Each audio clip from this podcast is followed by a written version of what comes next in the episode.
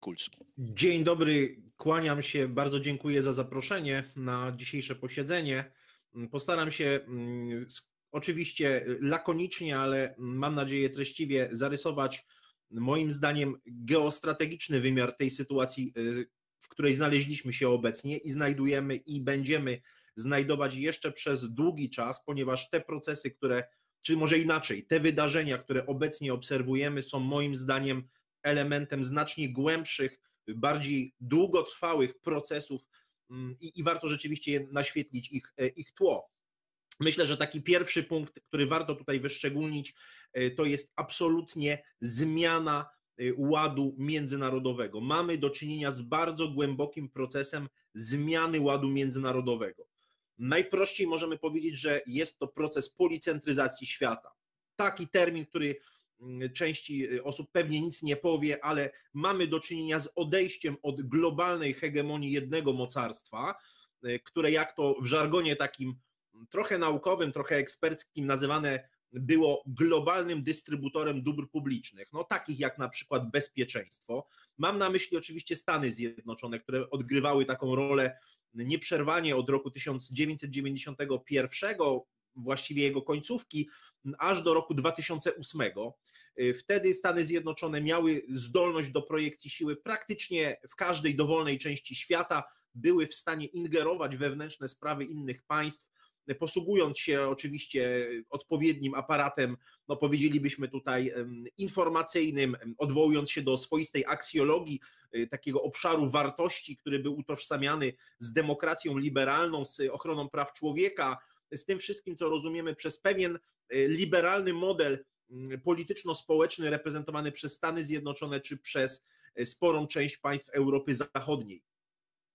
W tym kontekście rok 2008 był o tyle przełomowy, ponieważ e, ten kryzys głęboki, mm, ta bańka spekulacyjna na rynkach nieruchomości w Stanach Zjednoczonych, która pękła, no, spowodowała daleko idące skutki. Ale to nie tylko ten kryzys gospodarczy, który ograniczył możliwości amerykańskiej projekcji siły, to także wielkie, chciałbym tutaj to podkreślić, wielka klęska Mm, tej e, idei, że można narzucić innym państwom, innym kulturom, innym cywilizacjom swoją matrycę cywilizacyjną bez względu na tradycje istniejące na danym terytorium. To wszystko, co tak e, lapidarnie sformułował Francis Fukuyama, profesor Francis Fukuyama, e, na przełomie lat 80. i 90. w swojej koncepcji końca historii, stało się takim, można powiedzieć, takim kodem myślenia, kodem kulturowym, który elity intelektualne i polityczne Unię, y, y, y, czy to Europy Zachodniej, czy to Stanów Zjednoczonych przyjęły, a wraz z nimi państwa aspirujące chociażby do wspólnoty europejskiej, takie jak Polska. Właściwie, jeżeli spojrzymy na drugą połowę lat 90., czy przełom lat 90. i, mm, i XXI wieku, zobaczymy, że polskie elity polityczne naprawdę uwierzyły w koniec historii, że przystępując w 1999 roku do NATO i w 2004 roku do Unii Europejskiej, no właściwie nie musimy się martwić o nasze bezpieczeństwo, a wszystkie pozostałe państwa świata na zasadzie konwergencji, przystosowania przyjmą takie matryce, ponieważ jest to ponieważ inne alternatywy, ponieważ alternatywy, inne modele właściwie nie są na tyle atrakcyjne. Widzimy to bardzo wyraźnie mm, po Afganistanie, że tego typu myślenie, ale nie tylko po Afganistanie, że tego typu myślenie jest y, doszło do ślepego zaułka, że mamy do czynienia z wielką klęską Stanów Zjednoczonych i to nie tylko w Afganistanie, także w Iraku, także w ogóle szerzej na obszarze Magrebu i Bliskiego Wschodu. Przypomnę tylko, że ta, ten proces właśnie narzucania obcej matrycy kulturowej, y, chociażby w krajach Magrebu, nazywany a tak zwaną arabską wiosną, czyli początek, no, powiedzmy przełom lat y, roku 2010-2011, a z apogeum oczywiście w roku 2011 i 2012 okazał się wielką porażką. Ta próba stworzenia koncepcji większego Bliskiego Wschodu, który mm, tak lapidarnie określała Condoleezza Rice, czy nieżyjący już Zbigniew Brzeziński, absolutnie się nie udał. Ten, ten wielki łuk niestabilności od Marrakeszu do Bangladeszu, od Sahary Zachodniej przez właśnie Magreb, Bliski Wschód, aż po Afganistan, okazał się wielką porażką tej strategii amerykańskiej narzucania obcych mat, matryc cywilizacyjnych i podporządkowania sobie y, tego obszaru swoim, y, tak aby równoważyć tutaj potencjał mocarstw y, eurazjatyckich. Więc ten, mamy do czynienia, jesteśmy w takim momencie, w którym Stany Zjednoczone odchodzą od roli mm, globalnego hegemona chcąc, nie chcąc, tak naprawdę to jest kwestia także bardzo poważnych problemów wewnątrz y, politycznych, wewnątrz społecznych, które trawią Stany Zjednoczone. Widzimy y, całe kwestie związane z powrotem tak zwanej sprawy rasowej w Stanach Zjednoczonych, jakby siłę i potencjał marksizmu kulturowego, który również moim zdaniem osłabia potencjał militarny i zdolności y, ekspandowania Stanów Zjednoczonych na świecie, ale to także oczywiście problem deficytu, deficytu y, powiedziałbym takiego finansowego, jeśli chodzi o zdolności do ekspandowania. No i wreszcie przespany moment historyczny, y, czyli w cudzysłowie oczywiście przespany, y, utrata mm, takiej powiedzielibyśmy zdolności, takiego instynktu samozachowawczego w sytuacji, kiedy y, Chińska Republika Ludowa przystąpiła do Światowej Organizacji Handlu, kiedy została wpięta w globalny system kapitalistyczny, kiedy ten rok 2001 y, symbolizuje w Stanach Zjednoczonych oczywiście zaangażowanie się w te interwencje militarne na, na, na świecie, z Afganistan, później Irak, następnie oczywiście y, y, właśnie kraje Magrebu. W tym czasie Chińczycy wykorzystywali ten czas zgodnie ze wskazaniami Deng Xiaopinga z końca lat 70. do bogacenia się, do budowy swojej potęgi Y, gospodarczej i dzisiaj można powiedzieć, że Chińczycy są równorzędną potęgą, jeśli chodzi o kwestie gospodarcze. Biorąc parytet siły nabywczej, to mm, PKB Chin jest nawet wyższe niż PKB Stanów Zjednoczonych, podkreślam, biorąc pod uwagę parytet siły nabywczej. W związku z tym y, Amerykanie mają ogromny problem i od roku 2011, zgodnie ze wskazówkami ówczesnej sekretarz stanu Hillary Clinton, no, prowadzą właśnie zwrot ku Azji to powoduje ogromne zaniepokojenie wśród sojuszników. No i też warto zwrócić uwagę, że Amerykanie zaczynają stosować nową strategię. Ta nowa strategia w literaturze amerykańskiej, w wypowiedziach amerykańskich ekspertów bywa nazywana offshore balancingiem. Chodzi o to, aby Stany Zjednoczone zachowały mm, wpływy w kluczowych obszarach świata y, poprzez y, ścisłe relacje ze swoimi sojusznikami, czasami junior partnerami. E, I to jest trend bardzo ciekawy, a jednocześnie bardzo niebezpieczny dla e, państw średnich i małych.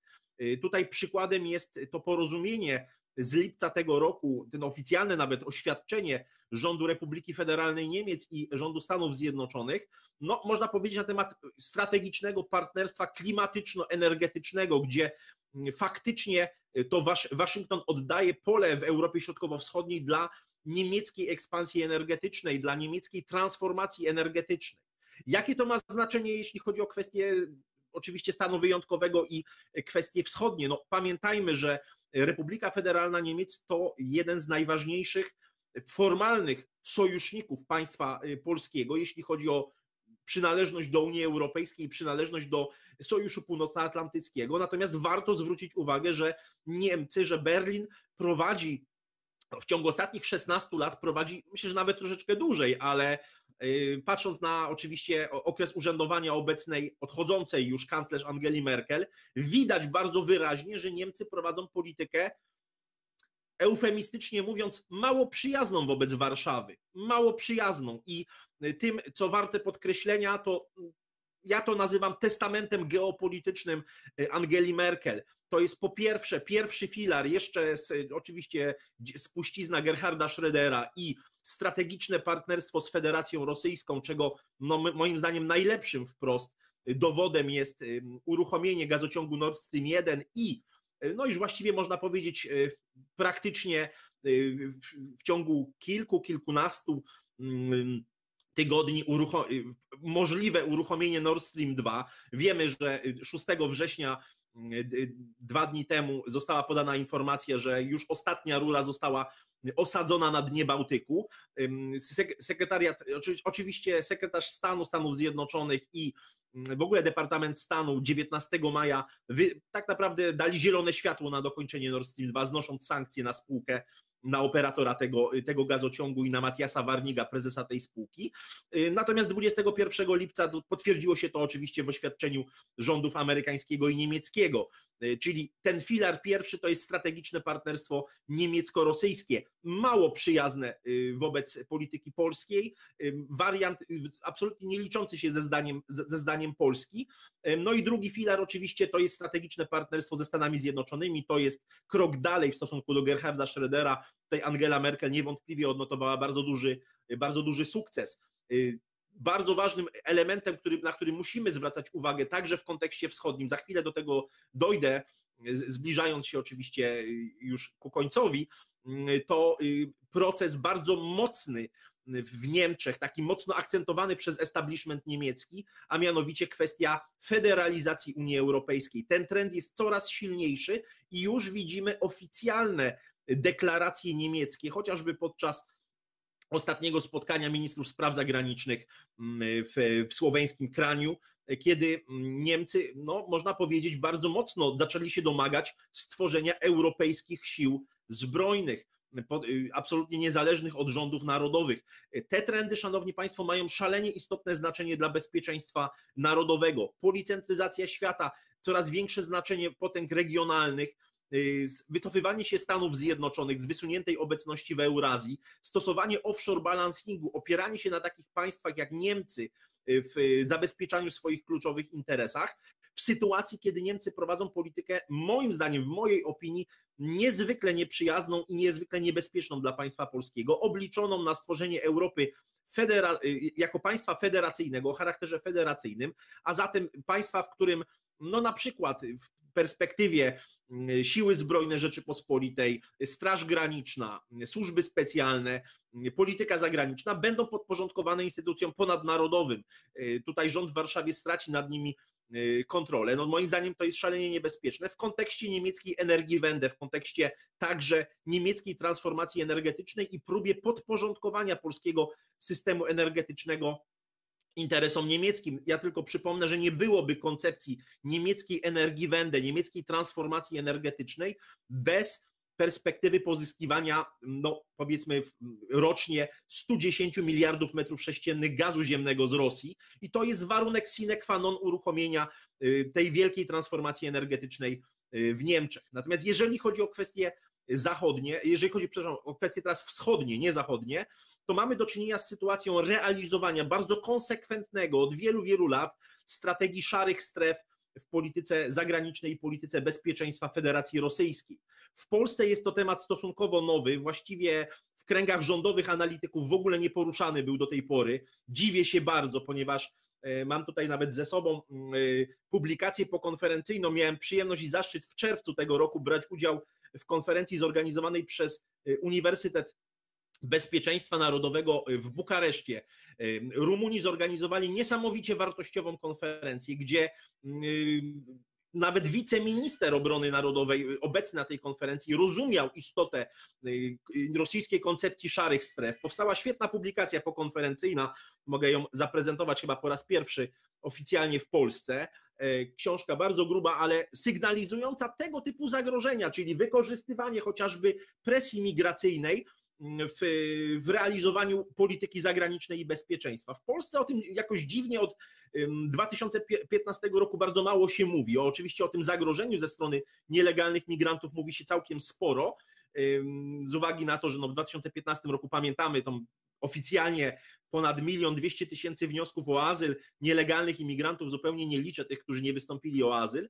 Natomiast mm, ta sprawa jest bardzo, była bardzo uważnie obserwowana w Rosji przez rosyjskich strategów e, i no, niewątpliwie należało się liczyć z takim e, obrotem sytuacji, biorąc, po, e, biorąc pod uwagę to, co się wydarzyło po 9 sierpnia 2020 roku. W sytuacji, w której Polska włączyła się na przykład, włączyła się razem między innymi z Republiką Litewską we wspieranie opozycji na Białorusi, kiedy no, doszło do nawet takich deklaracji, że w Polsce, w Warszawie będzie tworzony dom białoruski jako alternatywny rząd wobec, wobec rządu tutaj w Mińsku białoruskim, to należało się liczyć z odpowiedzią z uwagi chociażby na te powiązania ścisłe Republiki Białorusi i Federacji Rosyjskiej. W mojej ocenie nie byłoby możliwe te, te, skala tych protestów na Białorusi, obejmujących między innymi zakłady zbrojeniowe produkujące sprzęt dla sił zbrojnych Federacji Rosyjskiej, to byłoby niemożliwe bez, przyzwo bez przyzwolenia Kremla. Moim zdaniem cel Kremla, strategia Kremla była obliczona na to, aby, y, aby stworzyć sytuację bezalternatywną wobec prezydenta Aleksandra Łukaszenki, aby Aleksandr Łukaszenka nie miał żadnych alternatyw, aby był zdany tylko i wyłącznie na wolę dobrą bądź złą Władimira Putina. Kolejne sankcje, które Unia Europejska nakładała na Białoruś, tak naprawdę no, tworzyły sytuację bez, bezalternatywną i pchnęły e, Aleksandra Łukaszenkę do podpisania chociażby, no, moim zdaniem, niekorzystnej dla Białorusi umowy o e, tranzyt nie przez port w Kłajpedzie, bo tutaj to zostało ograniczone bardzo mocno, ale przez Ustługę i przez Sankt Petersburg. E, Ustługa to ten nowy, wielki, można powiedzieć, port tra tranzytowy na, na zachód od Sankt Petersburga. I, I wiele innych kwestii związanych z tak zwanymi, z tak zwaną mapą drogową państwa związkowego Rosji i Białorusi. Władimirowi Putinowi właśnie o to chodzi, aby Aleksandr Łukaszenka nie miał żadnych alternatyw i był zdany na, tutaj na, znaczy podpisał niekorzystne dla, dla Białorusi, a korzystne dla oczywiście Moskwy y, umowy związane z tworzeniem państwa federacyjnego między Białorusią a Rosją y, angażując się w tego typu działania, polski rząd powinien był zakładać, że spotka się to z reakcją, z reakcją o charakterze hybrydowym, z reak- czyli z reakcją poniżej progu wojny, a jednocześnie wykorzystującą wszystkie nowoczesne technologie prowadzenia tego typu działań, które są szeroko opisywane tak naprawdę w literaturze i rosyjskiej, i amerykańskiej. To, co mówimy o strategii szarych stref, czyli tworzenia takich obszarów, gdzie będą prowadzone działania poniżej progu wojny, nie tylko z użyciem y, służb specjalnych, wojsk specjalnych, ale także, a nawet przede wszystkim ludności cywilnej, gdzie będzie to obszar y, właśnie z pogranicza otwartego konfliktu i działań dywersyjnych, sabotażowych, partyzanckich, gdzie główną rolę będą odgrywały działania, operacje psychologiczno-informacyjne. To, co obserwowaliśmy przy granicy Polski jeszcze przed wprowadzeniem stanu wyjątkowego, który moim zdaniem był mocno spóźniony, no moim, moim zdaniem o dwa miesiące.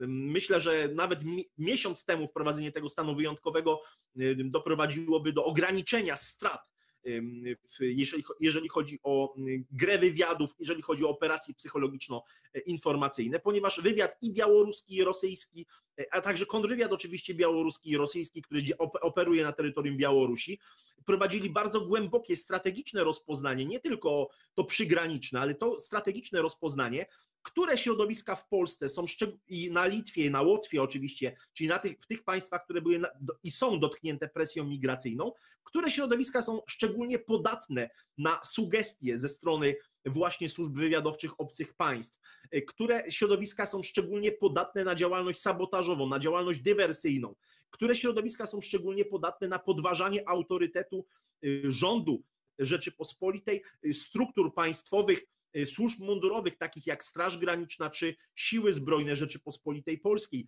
Jak daleko można się posunąć w pewnym przekazie y, informacyjnym y, i na arenie międzynarodowej, i, w, i, oczywiście wewnątrz tych państw granicznych Unii Europejskiej. To szalenie cenna wiedza, to jest dzisiaj na wagę złota, jeżeli chodzi o realizowanie tych polityki zagranicznej polityki bezpieczeństwa w oparciu o operacje hybrydowe, w oparciu o tworzenie szarych stref. Szara strefa to między innymi sytuacja naruszania granicy, naruszania granicy przez ludzi, można powiedzieć, niezidentyfikowanych, nieposiadających oznaczeń rozpoznawczych, y, wykorzystywanie presji migracyjnej, wykorzystywanie zorganizowanych grup przestępczych, które prowadzą albo samodzielne y, działania pod nadzorem służb specjalnych, albo są wykorzystywane do prowokacji. No, ja przypomnę tylko, że tutaj między innymi delegatura mm, Agencji Bezpieczeństwa Wewnętrznego w województwie warmińsko-mazurskim była, no, była takim przedmiotem takich, takich prowokacji wykonywanych przez Federalną Służbę Bezpieczeństwa i takie prowokacje z użyciem właśnie zorganizowanej przestępczości. To były oczywiście pewne testy y, robione, robione kilka lat temu. Natomiast teraz mamy do czynienia ze zorganizowaną operacją i co do tego nie mam najmniejszych wątpliwości. Natomiast ćwiczenia wojskowe Zapad 2021 są moim zdaniem przede wszystkim operacją psychologiczno-informacyjną. One będą miały na celu oddziaływanie na świadomość społeczeństw, testowanie także oczywiście systemów wojskowych.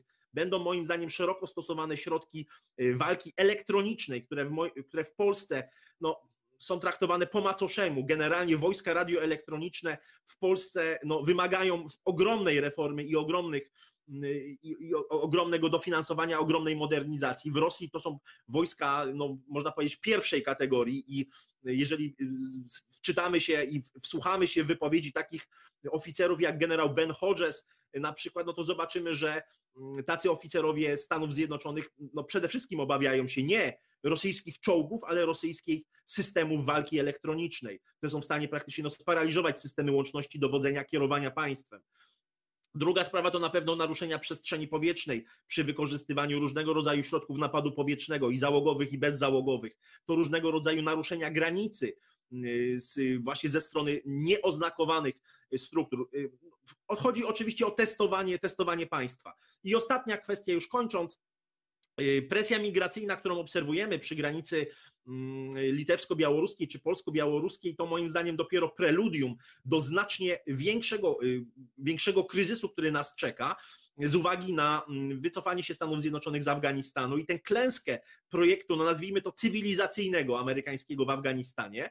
Mm, y, Rosja i Białoruś staną się swego rodzaju, moim zdaniem, hubami migracyjnymi te państwa będą pełniły podobną rolę jak, jak Turcja w przypadku kryzysu syryjskiego, kiedy Turcja była w stanie szantażować Brukselę no, skierowaniem chociażby kolejnych potoków migracyjnych do, do Unii w 2015 i w kolejnych latach.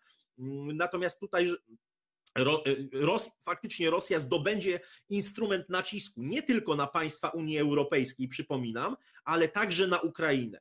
Y, moim zdaniem Ukraina będzie jednym z tych ofiar y, presji migracyjnej, ponieważ strategia szarych stref jest systematycznie realizowana przez Rosję wobec Ukrainy i chodzi o jej dezintegrację bardzo powoli. Bardzo powoli to jest po prostu strategia salami i, i, i tak będzie to robione. Proszę zobaczyć, że te sankcje, które zostały nałożone na Rosję są, prakty- no, są faktycznie nieskuteczne. To nie przeszkadza niemieckim przedsiębiorstwom, niemieckim koncernom w eksportowaniu y, chociażby turbin do elektrowni na Krymie i możemy oczywiście szereg y, tutaj przedsięwzięć podawać, ale Nord Stream 1 i Nord Stream 2 to jest oczywiście taki sztandarowy, sztandarowy projekt. Polska znajduje się obecnie w bardzo trudnej sytuacji z uwagi na silne ataki z wewnątrz i ta y, część tej orkiestry, można tak nazwać, dywersyjnej się ujawniła teraz, y, natomiast moim zdaniem będzie to jeszcze bardziej nasilone w przypadku większych, większych potoków migracyjnych. No i tutaj mm, bardzo istotna jest także polityka Unii Europejskiej. Jeżeli dojdzie do próby narzucenia Polsce kwot migracyjnych e, i wyłączenia polityki migracyjnej z, z praw suwerennych y, poszczególnych rządów, no to byłaby sytuacja absolutnie y, katastrofalna dla państwa polskiego. To zagrożenie idzie nie tylko ze, ze wschodu, staram się tutaj pokazać, y, także te plany federacyjne Unii Europejskiej są moim zdaniem wielkim zagrożeniem dla suwerenności państwa polskiego i dla naszych zdolności do radzenia sobie z tymi problemami, z tymi problemami, z tymi problemami jeśli chodzi o presję migracyjną. Widzimy, że dzisiaj Frontex, to wsparcie Frontexu na Litwie, no to jest robione w większości polskimi rękami. Więc ta sytuacja jest bardziej złożona. Policentryzacja świata będzie sprzyjać narastaniu różnego rodzaju zagrożeń hybrydowych i moim zdaniem dzisiaj no, warto sobie odpowiedzieć na pytanie, czy realizowanie przez Polskę polityki jednowektorowej, polityki opierania bezpieczeństwa Rzeczypospolitej wyłącznie na gwarancjach międzynarodowych, na gwarancjach sojuszniczych, czy na ścisłym sojuszu ze Stanami Zjednoczonymi w sytuacji ataku na państwo polskie, jeżeli chodzi o tak zwane roszczenia żydowskie o mienie, tak zwane bezspadkowe, jeśli chodzi o kwestię zarzucania Polski, Polsce braku demokracji. Przypomnę wypowiedzi Baracka Obamy, wypowiedzi także czołowych polityków obecnej administracji prezydenta Bidena. No to wszystko każe postawić jasne, konkretne pytanie, czy możemy się dzisiaj opierać wyłącznie na gwarancjach międzynarodowych, na gwarancjach sojuszniczych, jeśli chodzi o bezpieczeństwo narodowe y, Polski? Moim zdaniem nie. Moim zdaniem trzeba jak najszybciej przestawić tory polskiej strategii, polskiego myślenia strategicznego na tory wielowektorowe i postawić na siłę własną, wzmocnić własne państwo. Uważam, że stan wyjątkowy jest spóźniony, ale dobrze, że został wprowadzony, ponieważ no, pozwoli ograniczyć skalę tych zagrożeń mm, informacyjno-psychologicznych. Dziękuję za uwagę i dziękuję za zaproszenie. Dziękuję. Ja myślę, że patrząc na te kwestie konkretnych e, zadań e, i tych konkretnych działań, o których na samym początku e, tego panelu dyskusyjnego wspomniał pan prezes Janusz Korwin-Mikke, myślę, że gdybym miał to w takim lapidarnym skrócie określić, to po pierwsze jest to kwestia bardzo skutecznego systemu zapór, które powinny być na granicach i to nie tylko na granicy e, z Białorusią czy z obwodem kaliningradzkim, także na granicy z Ukrainą. To jest także kwestia e, planów, które powinny być, ewentualnościowych oczywiście planów, które powinny być przyjęte na wypadek zagrożenia presją migracyjną także z innych kierunków, z południa, z północy, mówimy o granicy morskiej oraz na kierunku zachodnim. To jest oczywiście także kwestia przywrócenia kontroli granicznych. Wiemy dobrze, że jeśli chodzi o kwestie lockdownów, y, takie, mm, takie ograniczenia, jeżeli chodzi o przemieszczanie się w strefie Schengen, Schengen przyjęły między innymi Niemcy. Y, to jest pierwsza kwestia. Druga sprawa mm, to jest kwestia oczywiście służb specjalnych. Widzimy bardzo konkretne efekty tak naprawdę tego, co moim zdaniem świetnie opisał w ostatnich y, latach, czy też no, to, co podejmował Instytut Pamięci Narodowej, a mianowicie podporządkowania polskich służb, konkretnie polskiego wywiadu y, pod Centralną Agencję Wywiadowczą Stanów Zjednoczonych. To zresztą dr Kozłowski w ostatniej y, swojej książce Koniec Imperium MSW bardzo, bardzo ciekawie, że tak powiem, opisał i na debatach Instytutu Pamięci Narodowej, którą, czy na jednej z debat, którą prowadził Piotr Wojciechowski, zresztą członek pierwszej komisji weryfikacyjnej, która weryfikowała znaczy dosyć nieskutecznie zresztą PRL-owski aparat bezpieczeństwa. Mm, no, bardzo, bardzo, że tak powiem, lapidarnie, ale, ale konkretnie zostało to określone i widać dzisiaj tę niesamodzielność polskich służb specjalnych. Tutaj no, bez głębokiej restrukturyzacji polskiego kontrwywiadu, czy w ogóle aparatu bezpieczeństwa państwa polskiego, no nie będzie y, samodzielności Polski, y, państwa polskiego i to trzeba sobie jasno powiedzieć. Sytuacja, w której Polska miała, polskie służby miałyby być podporządkowane pod europejskie służby specjalne jest absolutnie moim zdaniem niedopuszczalna e, i a, no niestety, a niestety takie zakusy są, w najbliższym czasie będą będą, będą prawdopodobnie podejmowane, będą, będą próby utworzenia takiej europejskiej Mm, europejskiego wywiadu, czy też europejskiej różnego rodzaju organów bezpieczeństwa w tym zakresie. I myślę, że to jest jedna z tych najważniejszych, z tych najważniejszych kwestii. E, no i oczywiście trzecia sprawa, czyli szeroko pojęta praca u podstaw. Mm, uważam, że jednym z tych elementów bardzo istotnych jest dzisiaj, mm, jest dzisiaj rozpoznanie, bardzo głębokie rozpoznanie, które środowiska w Polsce są podporządkowane między innymi zagranicznym, mówię o zachodnich ośrodkach wywiadowczych. Tutaj nie chodzi tylko i wyłącznie o to zagrożenie, które idzie ze wschodu, bo i takie idzie, to, to jest jakby oczywista sprawa i idzie nie tylko z Białorusi i nie tylko z Federacji Rosyjskiej, bardzo aktywny na terytorium Rzeczypospolitej jest również wywiad ukraiński, ale widzimy chociażby działalność niemieckich fundacji politycznych, które można powiedzieć w sposób no, bardzo y, taki szczelny oplotły mm, Polskę i bardzo, y, no, i o tym się nie mówi głośno. O tym się po prostu głośno nie mówi, ale jeśli się przyjrzymy y, planom już wspomnianej przeze mnie na początku Energiewende, a przypomnę tylko, że w debacie niemieckiej Energiewende jest obecna od roku 1980. Od roku 1980 to jeszcze y, ofic- jeszcze nawet przed, można powiedzieć, takim naukowym odkryciem dziury ozonowej, które nastąpiło w roku 1982. I zobaczmy, jak dzisiaj Niemcy finansują działalność różnego rodzaju fundacji, stowarzyszeń, czasopism, które promują multikulti, promują multikulturalizm w Polsce, które promują mm, przyjmowanie migrantów, które mm, pod płaszczykiem oczywiście ochrony praw człowieka i obywatela prowadzą działalność tak naprawdę dywersyjną. Jeśli się przyjrzymy tym potężnym niemieckim fundacjom politycznym jaką rolę dzisiaj odgrywają mm, w całym systemie politycznym państwa polskiego, to zobaczymy, że jest to jedno z najważniejszych dzisiaj zadań, czyli y, kwestia rozpoznania i zastanowienia się nad ewentualnym przyjęciem mm, y, takich rozwiązań prawnych, które jeśli nie zabroniłyby, to na pewno ograniczyłyby albo przyjęłyby bardzo transparentny sposób finansowania polskich organizacji społecznych i politycznych z zagranicy. No o tym się moim zdaniem zbyt mało dzisiaj mówi, a w kontekście tych, tego kryzysu, o którym cały czas dzisiaj rozmawiamy, jest to moim zdaniem jedna z fundamentalnych kwestii. Dziękuję.